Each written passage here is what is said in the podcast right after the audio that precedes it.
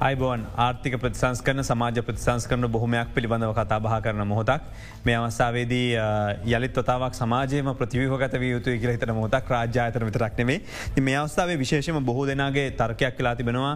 සුභසාධනය ලැබිය යුත්තන් සුභසාධනය ලබන්නේ නෑ. නොලබේ යුත්තන්ට ලැබෙනවා. වගේ මොකටද මිනිස්සුන්ට නිකං සල්ලි දෙන්නේ?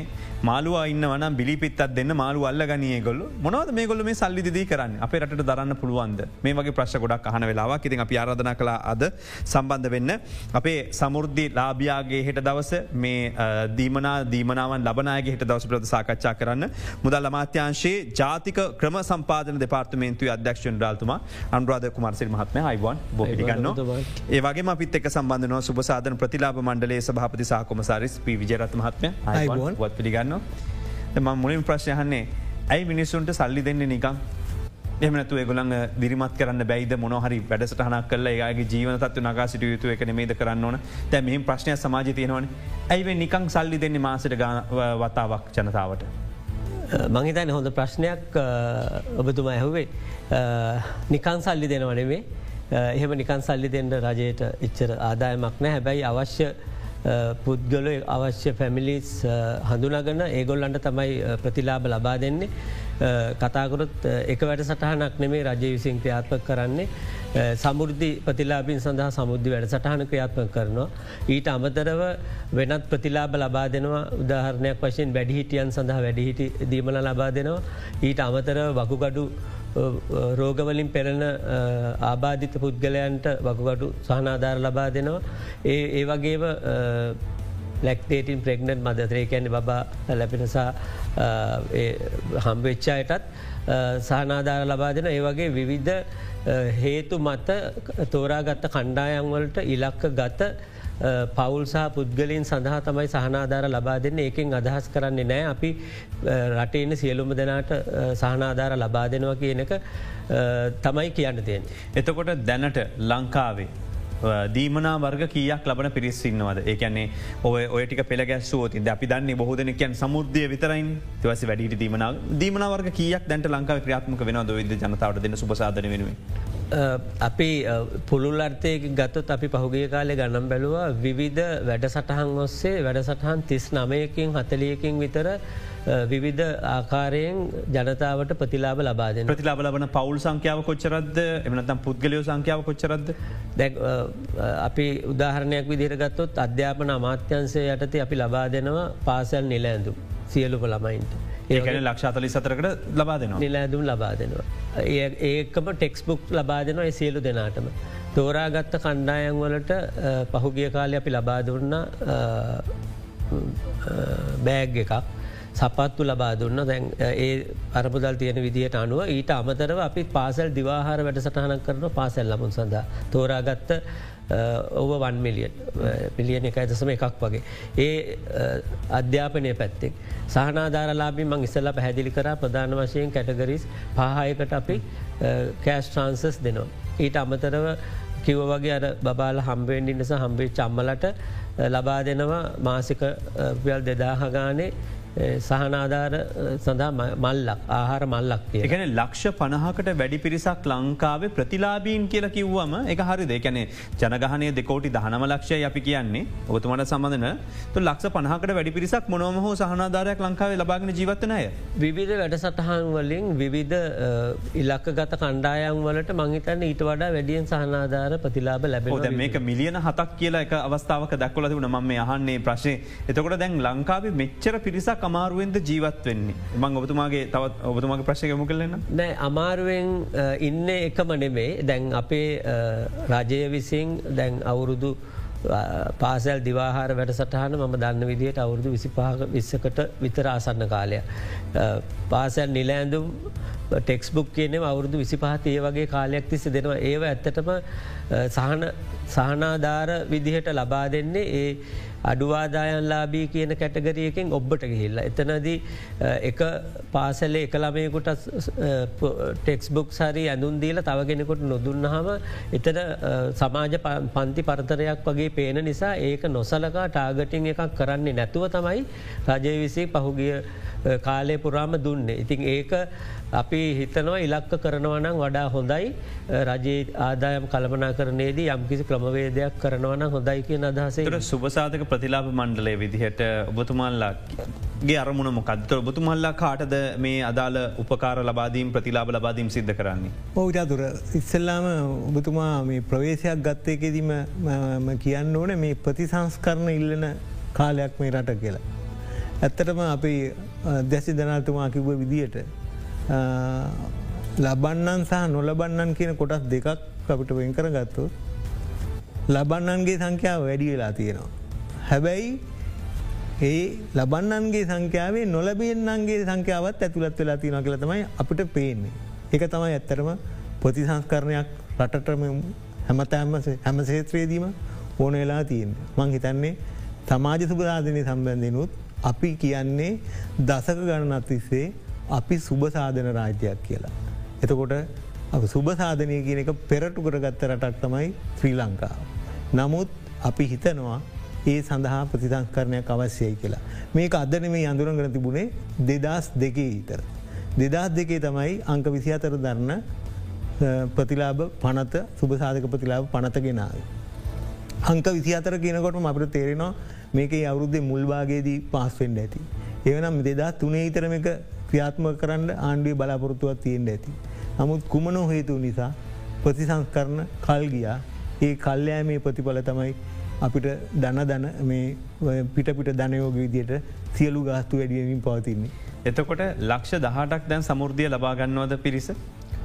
ඒ ආසන්න ප්‍රමාණයක්. ඒ වගේ පිරිසක් එතොට සමුෘද්ධිය ලබාගන්නවන. තොට සමුෘද්ධිය කොහොමද ඉතිහාසිදල ආව එතොට ඒ වැඩියුණේ කොහොමද. ඒවා අපහපාරක් කිරාමණ බැලීමක් කරන්නේ නැද්ද. කෞද ඒක කළ යුතු වන්නේ. ඒක මංහිතන්නේ අපේ අංක විසිහතර දන දෙදා දෙකේ සුභසාධක පනත ප්‍රතිලාබ පනතයේ ප්‍රියම්බල් එක නැත්තම් පෙරවදනම කියනවා සියලු සුභසාධක යෝජනා ක්‍රමයන් විනිවිද්ධ පවතින සුළු භාවයෙන් යුතුව නිර්ණායක පදනං කරගත්ත තේරීන් ක්‍රියාවලිකට යටත් කළ යුතුයි කියන කාරණාව. ඒ නිසා තමයි දැනට ප්‍රතිලාබ ලබන්නන් සහ පොරොත්තු ලේකනවල ඉන්නවනං ඒ අයත් ඊට අමතරව තවත් අලුතින් බලාපොරොත්තු වෙනවන්නං ඔය සියලු දෙනාමගේම අයදුම්පත් කැඳීමේ ක්‍රියාවලයක් අපි දැම්මේ පටන් අරන් තියෙන්. එකන කපන්න හදන්න ඉන්න කටිය ලක්ෂ දහට අඩු කරන්න ඕන කියලබතුමල වෙලාස හිතනවද නැත්තම් මෙත අනවශ්‍යයි ඉන්න කියල හිතනවද නොලබිය යුතුව ඉන්න කියල හිතනවද.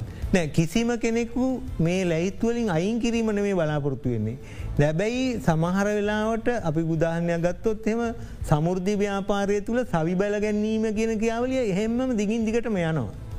හැබැයි එතකොට එතනද ඉන්නවා නං කවුරු හරි ආදායම් තත්ත්වය හොඳ හැබැයි නොලබී යුතුයි කියලා සමාජයම පිළිගන්න අයින්න ඕනං ඒ අයගෙන් අයින් කරලා ලැබිය යුතු කොටසක් පෝලිමේ ඉන්නවා ඒ කට්ටිය බලා ගැනීම තමයි ව්‍යාපාරයෙන් කරන්න බලාපොරොත්තුවෙන්නේ.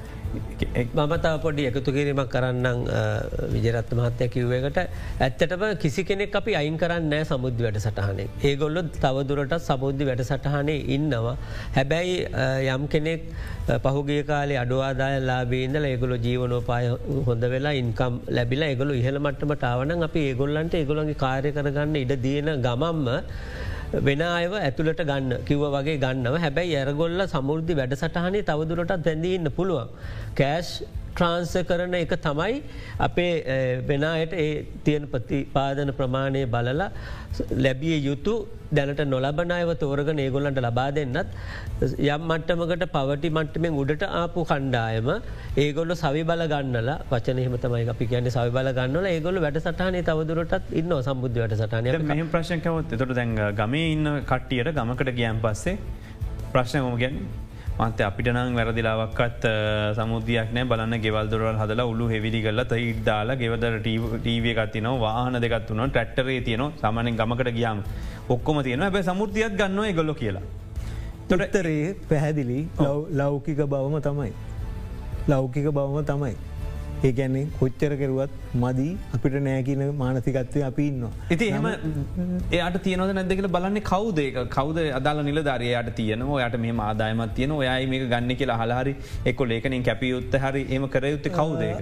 ඒ වගේ එහෙකට කවුද මේ මුල පුරන්නේ. එච්චර අධිෂ්ඨානසීලීවා එඩිතර තීරණ ගැනීමක් විය යුතුව තිබුණවාගේ කෙනකත් තමයි මටනවන් දකින පෞද්ගලිකෝ.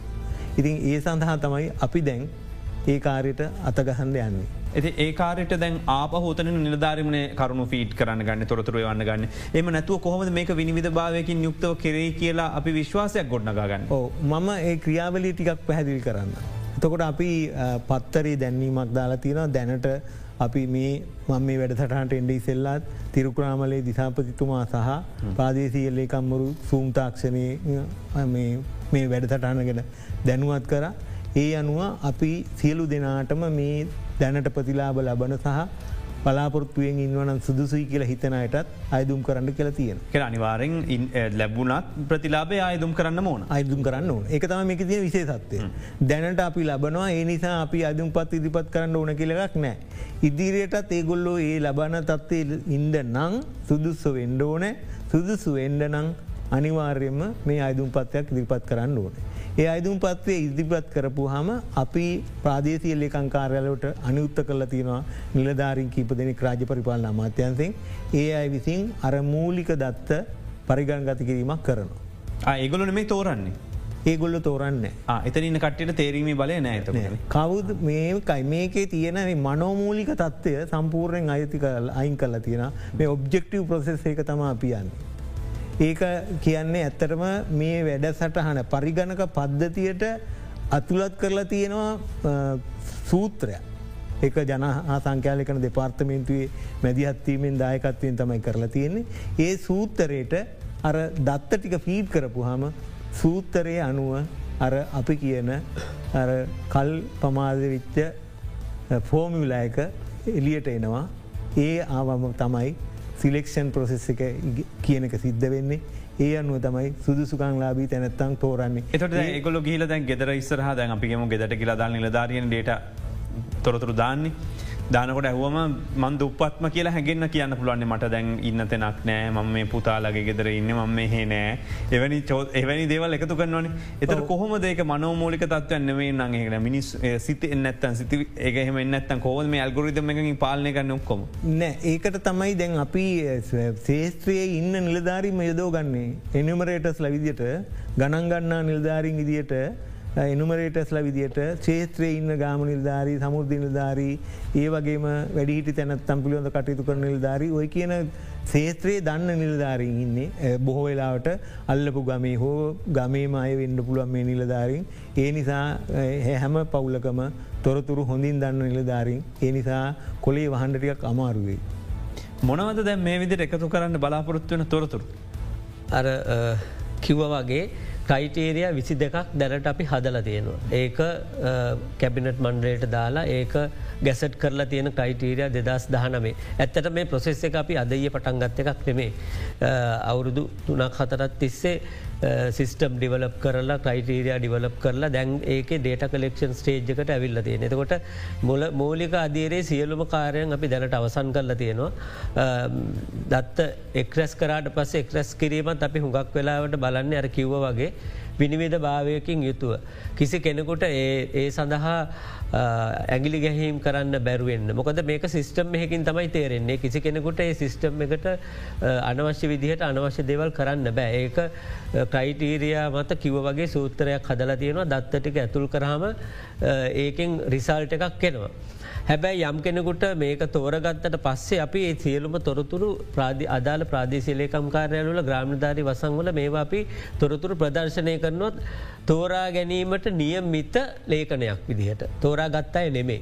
එතවට මේක දැක්කහම ගමයට පුළුවන් කවරුහරි වැරදි කෙනෙක් තේරිලා ඉන්නවන එයාට විරුද්ධව ගැන්න මෙයා සසංගාන. පෙස්සංහන්ඩ ඔන්න වනේ එයාට කියන්න පුළුවන් ගමේන සමුෘද්ධී නිලධාරීතුමාට ග්‍රාම සයක මහත්තයට මේ ලේකනේ මේ මේ කියන කණ්ඩායන් වලට ලැබිය යුතු නැති අය. ද ගමේ හුන්දම කියන්න පොඩ්ඩ ප්‍රශ්නයක් තියෙන පුළුවන්නේ අර අහවලාගේ මේ මෙයා මෙයාගේ වෙනවන. එහම නැතිව ඒක ඔන්න කෙලිම පැමිණිල්ලක් විදිර ඉදිරිපත් කන්න එහෙමත් කරන්න පුළුව හැබැයි ඒ කන් අපි මෙතුව තවත් පැහැදිලි කර ඒකට ටීම් එකක් දාලා තියෙනවා රජයේ නිලධාරීන් විතරක්ම නෙවෙයි.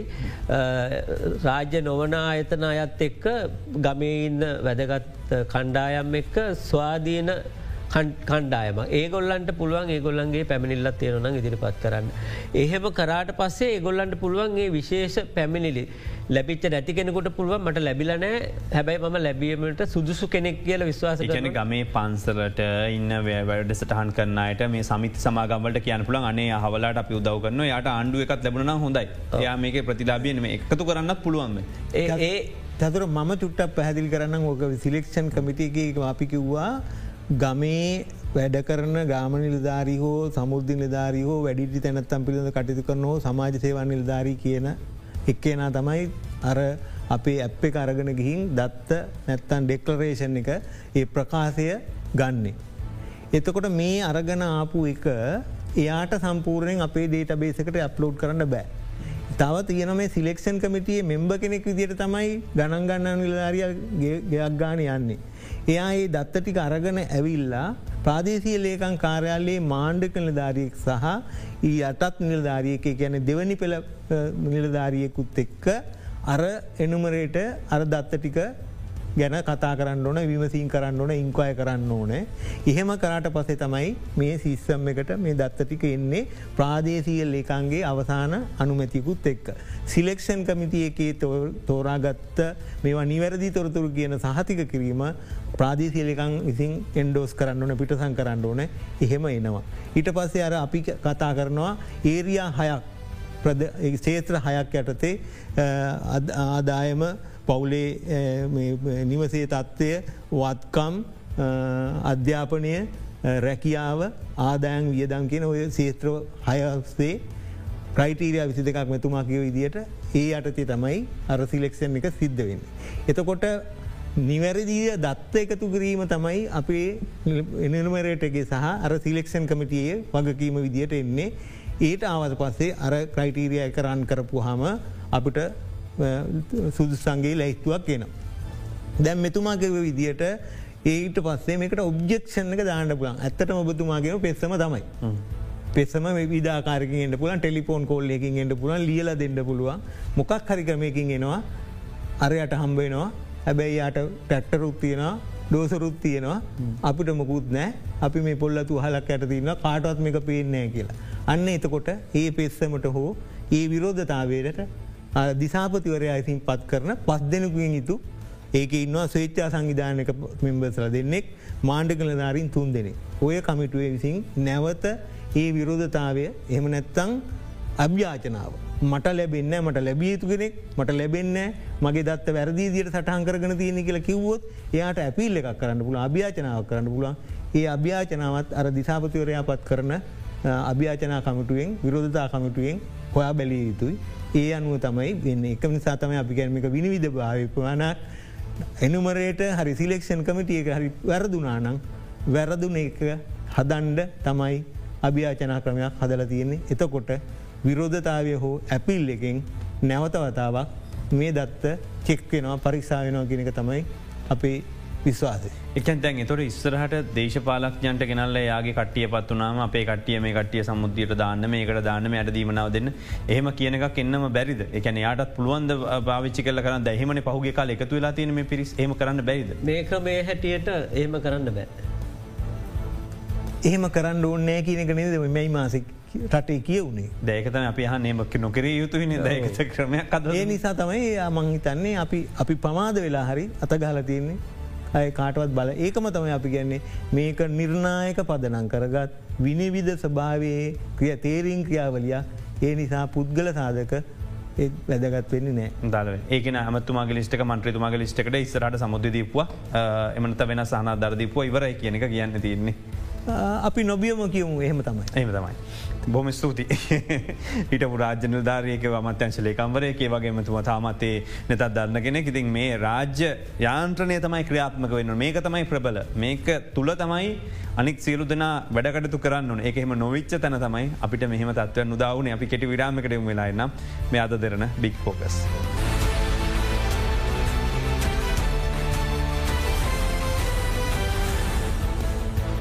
වැලි අදරන බික් ෆෝක සමඟ එකතු වෙන්නේ. හරය සමුෘතිය ලබන මෙයා මේ දීමනාව ලබන යාරදීමනාව ලබන රටඉන්න මිනිස් ොක්කොම් ප්‍රතිලාබියෝ වෙලාන්න ඇබ අපිට මුකුත් හම් වෙන්න අපි හමදයම් බදු ගෙවන මේකන අපේ සාකච්ඡාව.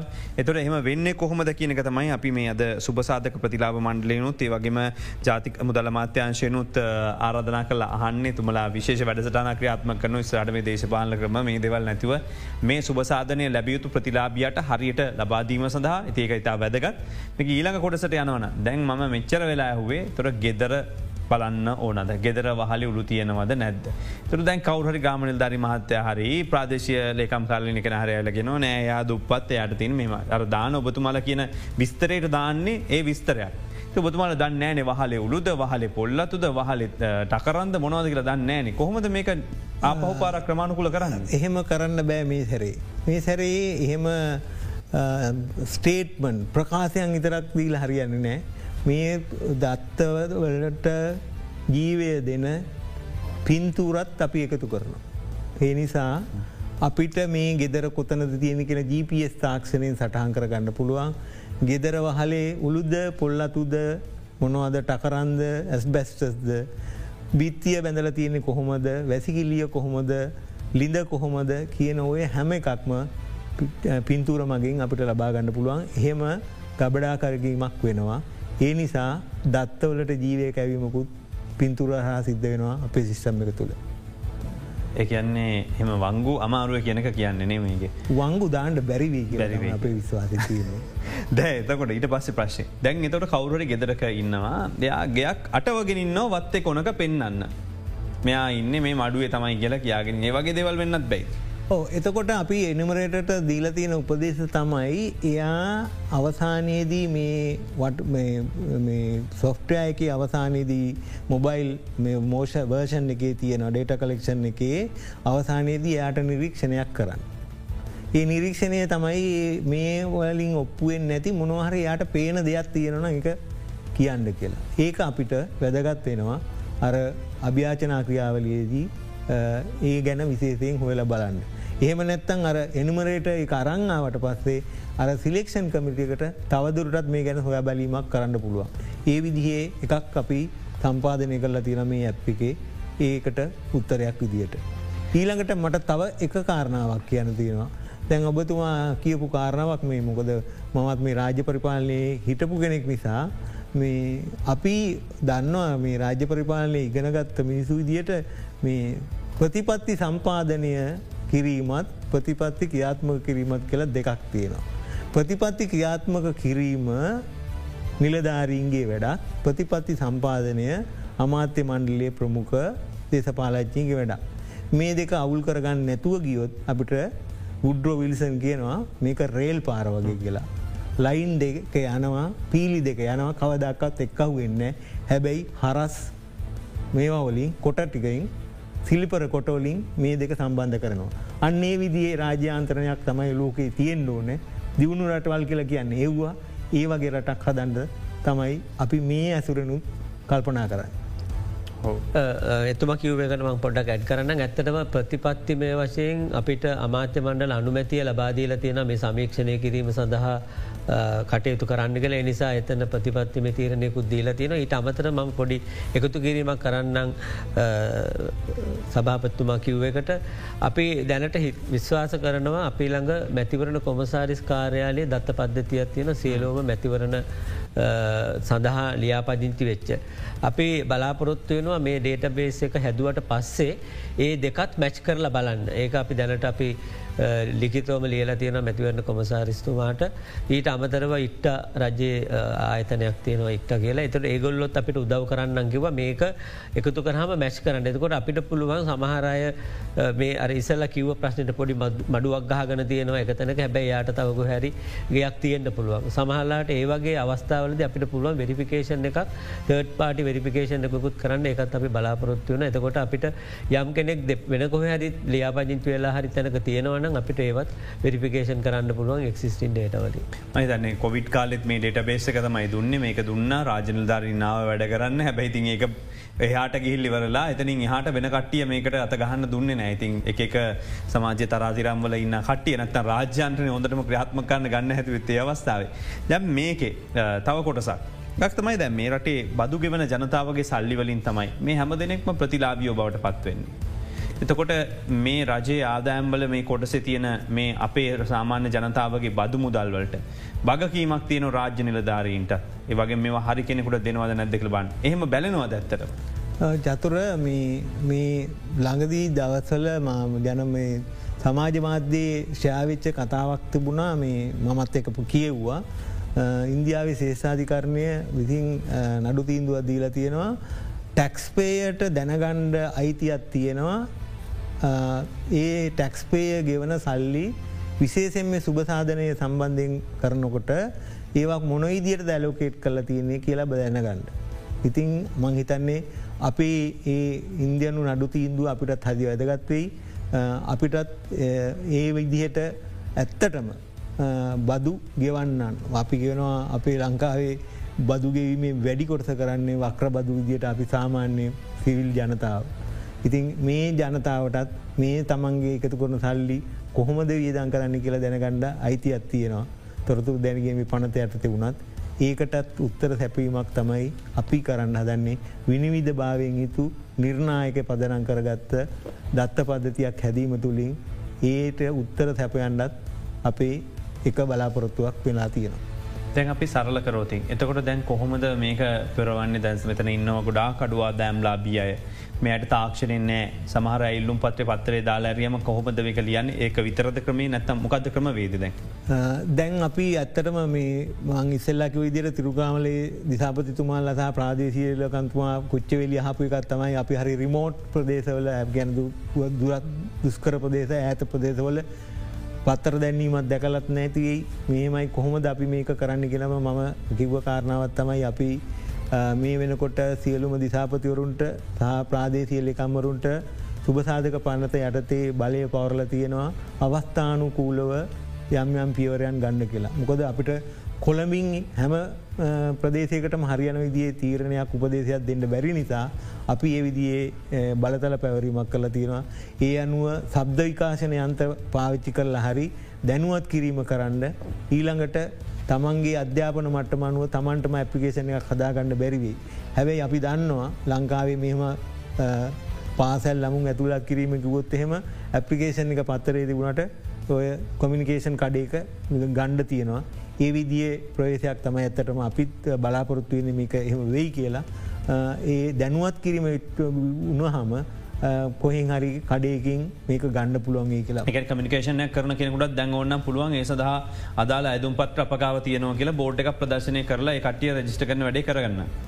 රෙජිස්ට කිරීමන මේ ඇපිකේෂන් ගේෂන එක එතුට ඒ වෙලා වෙතනද කිව්වාරක ජෙනරේට් වෙන්නේ නෑ. තෙල් විදිට නේ. දැම් මෙහෙමයි. දැනට ක්‍රස්කිරීම විතර මෙතන දැනට අපි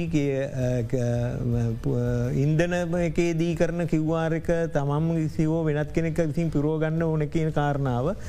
දැනට අපි අර තොරතුරු ලබාගන කිව්වාර් කෝඩයක් ගණ්ඩ ඇප්‍රිකේෂන එක සම්පූර්ණ කරලා ප්‍රාදේශය ලේකං කාර්යාලයෙන් තමයි ඒක කිවර් කෝඩ් එක හැදෙන්. ඒක තමයි අපේ ක්‍රමේ තියෙන වෙනස්වීම.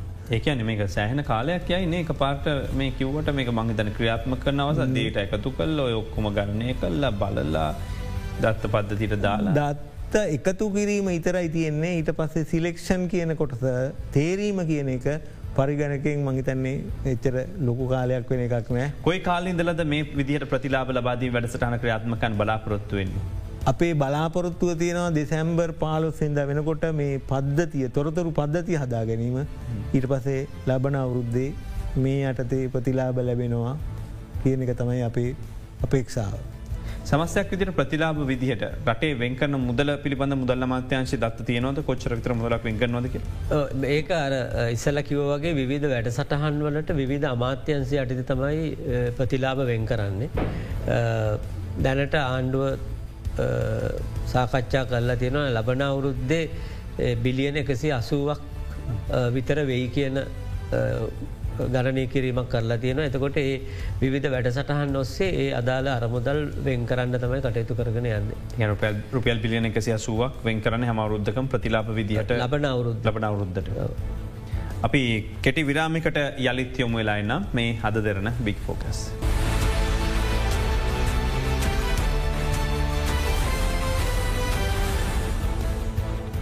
වැලි අදරන වික් ෆෝගස් සමඟ අපි මේ සාකච්ඡාවද ප්‍රශ්න මතුවනේ වදකතුන අත්තිනේ වට අවධානය මුකරන්න සූදානම්. නමුත් ඉටිස්සල දැම් මේ ලැබෙන මුදල ලෝක බැංකු ආධාරයක් විදිහට ලැබෙන්නේ? තොට මේ හින්දද මේ වැඩසරහන ක්‍රියාත්මක වෙන්නේ? මනත්තන් අයිF එක නිර්දේශයක්ද? මුලිම පැහදිලිකරොත් මේ මොකද හදිසිය මේ වගේ දෙයක් කරන්න හිතුන කියනක. ඇතුර මේක මේ මංකිව දෙදස් දෙකේ තමයි පනත සම්මත වෙලා තියෙන්නේ. ප්‍රතිලාබ මණ්ඩලේ සුපසාධක ප්‍රතිලාබ මණ්ඩලේ දෙදා දාසේ පීටෙව්වේ හැබැයි විටිං විට තමයි මේක ක්‍රියාකාරී තත්ත්වය තිබුණේ. පහුගේ අවුරුදු දෙකේම ඇත්තරම මේ වැඩ කොටස අපි කෙරුණේ ජාතික ක්‍රම සම්පාදන දෙපාතනතිමේ අධ්‍යස ජනවල් තුමාගේ නායකත්වය යටතේ. දැන් අධ්‍යක්ෂ මණ්ඩලේ නැවත පත් කරලා කටයුතු කෙරෙනවා. එතකොට මේ සුභසාධක මණ්ඩලය ස්ථාපිත කරන්නත් මේ දත්ත පද්ධතිය ස්ථාපත කිරීම සඳහා SSNP කියන ප්‍රොජෙක්් එක වල් බෑංක් එකින් තමයි එකට ෆන් කරේ මුල්ලේනය කරේ ඒ අනුව කටයුතු කෙරමින් පවතිනවා. නමුත් ඊය පෙරිදා මාධ්‍ය පල වුණා වර්ල් බෑංක කෙලින්ම ප්‍රතිලාබීට සල්ලි දෙනවා කියලා. ඊය ප්‍රෙස්කම්පරන්සකේදී අපේ බණ්ඩාගර නියෝජ්ජලයකන්තුමා ඉස්සල්ලා හිට විදේශ සම්පත් අධ්‍යස ජනරල්තුමා බොහම ලස්සන උත්තරයක් දුන්නා එක එක අයට ඇවිල්ලා එහෙම පිනුම් ගහන්ඩබෑ අපි ස්වාධීන රාජ්‍යයක් කියලා. එහෙම ආධාර අපි ගන්නවා නමුත් ඒවා ඒ අබත් දරමුදලින් හරහා තමයි අනිත් ආයතනොට බෙද හැරීම කරන්න ඇලෝකේට් කරන්නේ. ඒ නිසා ඒක ඉතා අමිහිරි මිත්‍යාවක්. මම එතනින් පස්සේ එන්නේ අපහපාරක් මේ ප්‍රශ්හනෝ දැන් රාජ්‍ය සේවකයෙක් ගෙදර ඉන්නවන මේ ප්‍රතිලාබ ලැබියයුතු පවුලක් වුණත් එක ලබා දෙන්නේ නැද්ද කියන එක. මේකට උත්තරේ තමයි ආදායම් තත්ත්වය කියන එක ක්‍රයිටීරිය එකක් අපි බලනො. ඒ වගේම වියදම් පැත්තත් බලනො. ඊළඟට ගෙදර තත්ත්වයක් බලනො. අධ්‍යාපනයක් බලනවා. මේ ක්‍රයිටීරයා අනුව යම වෙලාවකදී දත්ත රැස් කරලා සිලෙක්ෂන් තේරීන් ලැයිත්තුව හැදුවට පස තමයි ඒකට Uh, කටෝ පොයින්ට එක කියනක දෙන්ඩ වෙන්නේ. සීම uh, ලකුණු කියනක දෙන්න වෙන්නේ. ඒ අනුව තමයි තීරණය වෙන්නේ රාජ්‍ය සේවකයෙක් උනාම uh, එයා සුදුස්සෙක් නොද නැද්ද කියන කාරණාව ඒ ලැයිත්තුය අනුව තමයි තීරණය කරන්න වෙන්නේ ඒ කටෝ පොයින්ට එක තීරණ කරට පස්සේ. ඒකැනේ වැදගත් කරුණක් එක රාජ්‍ය සේවකෙද. එතකොට දැන් හදිස්යෝකත් තමන් ඉන්නේ වැඩිහිටි දීමනා ලැබියයුතු තත්ත්වයක හැබැයි අම්ම අම්ම කෙනෙක් ඉන්නවා දරුව දෙන්න වැඩ වැඩට යනව රස්සාාව කරනවා. එතට අම්මට වැඩිහිට දීමනාව ලැබිය යුතු නැත් දෙයක් ලබාගන්න බැයි දෙයට කිසිම දරුවකයක්කට දුන්නත්තරන්න වෙන දීමනාවක් නෑ එහම ලබන්න පුළුවන්ද. ඉල්ලන්න පුළුවන්. ඉල්ලන්න පුළුවන්. මට දරුවන් සලකන්නෑ කියන කාරණාවනුව මෙ කරන්න පුළුවන්. එතකොට බැරිවෙලාවත් අපි ඒම කිව්වට දරුවන්ගේ ආදායමත් අපි සැලකිල්ලට ගන්න නිසා තමහලට යනු දෙෙක්වෙන්න පුළුවන්. හැබැයි ඒකට තමයි අර කියන ඇපිල් එක පාවිච්චි කරන්න වෙන්නේ. දරුව ඉන්නවා මහත්තයෝ. මට සලකන්නේ නෑ. ඒ නිසා තමයි මගේ මේ දුක් ගැන විල්ල කියන්නේ කියලා එයාට ආපහු වෙන්ඩ පුළුවන් ඒක තමයි ඇපිල් කමිටියක විසින් අභ්‍යාචන කමට විසින් විශේෂය සලකා බලන්න. ඒකට තමයි අපි අවස්ථාව දීලා තිීරේ. එතකොට මේ වෙලාවේ කවුරුහරි කෙනෙක් දැම් මේකට එකතු වෙලා වැඩ කරන්න කැමති වෙන්න පැ. එම නොකැමති පිරිස්සෙන්න්න පුළුවන් යම්ගේ අපි අසාධාරණයක් න ද ඉස්සරහට හැදෙන පුළන් සමුෘද්ධී සමුෘද්ධ අසාධාරණ ලක්වුවන්ගේ කණ්ඩායම සමහර විට මේ ක්‍රමවේදත් එක්ක.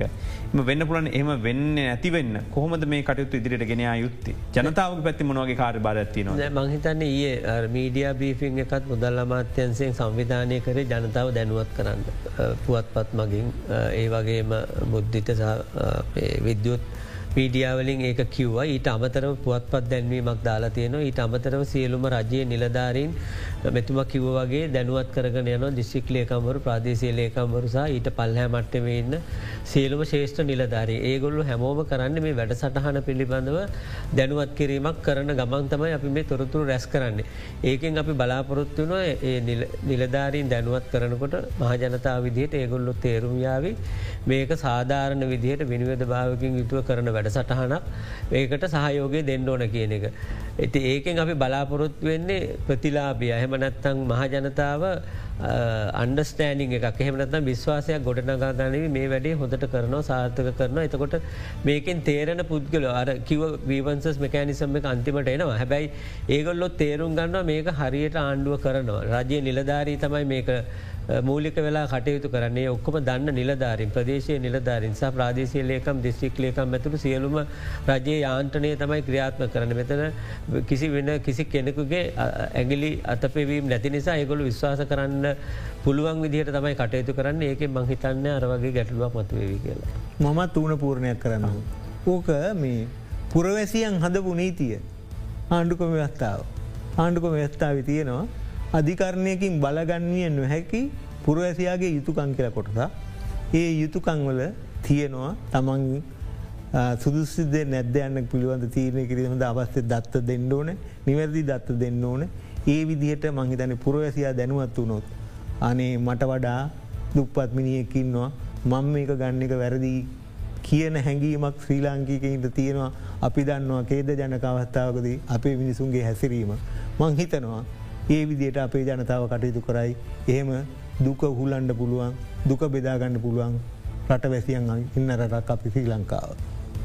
අපි අවසාන වශයෙන් ඔබතුමාලට කියන්නේ මේකේ රජය වශයෙන් තොට දැ මේ රජය මාරුවනකට වැඩ පිල මාරුවන මේ වැඩ පිලට එහම වෙනසක් වෙන්නේ නැද මේක ජාතික වැඩ පිලක්ද ඉදිරිටයන්න දැකතාව තියෙනවාද. ඔව ඇත්තටම අමාත්‍ය මණ්ඩලේ තමයි තීරණය අරගෙන තියෙන්නේ ඒ අනුව රජය දැනුවත්ව කටයුතු කරනවා. ඒ අනුව තමයි අපි නිලධාරින් විදියට රජයේ ප්‍රතිපත්තියක ආත්ම කිරීමට මේ යුහසුලුව කටයුතු කරන්න. මම පොඩි එකතු කිරීමක් කරන්න කිව් එකට ඇත්තටම සමාජ සුභසාධන පනතේම තියෙනවා මේ ක්‍රමවේදය අපි අවසාන වශයෙන් පාර්ලිමේන්තුවට දිරිපත් කරන්න.